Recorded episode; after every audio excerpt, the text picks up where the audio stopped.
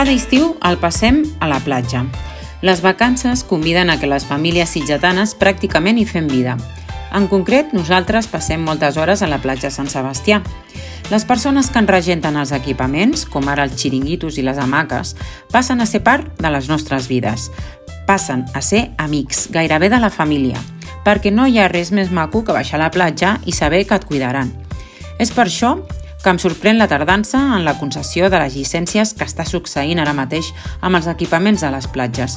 Moltes de les famílies que els gestionen, encara ara ben entrat el mes de maig, no saben si els concediran la llicència per treballar als xiringuitos que tan bé saben portar.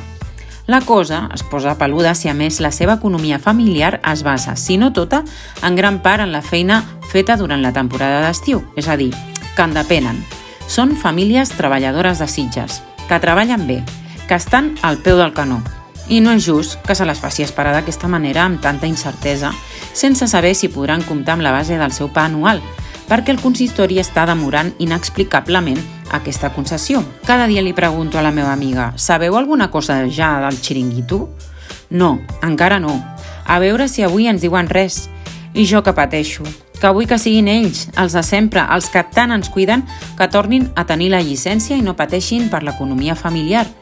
I que aquesta concessió no sigui estar amb l'ai al cor cada any, sinó que sigui una llicència que tinguin a llarg termini. I això té unes conseqüències. Ara ja és tard per ells, que han de buscar-se el pa. De debò que cal fer esperar tant? De debò que cal tenir les famílies senceres en suspens? De debò que no es poden agilitzar aquests tràmits i tenir en compte l'economia de les famílies sitjatanes? Les coses potser es podrien fer d'una altra manera.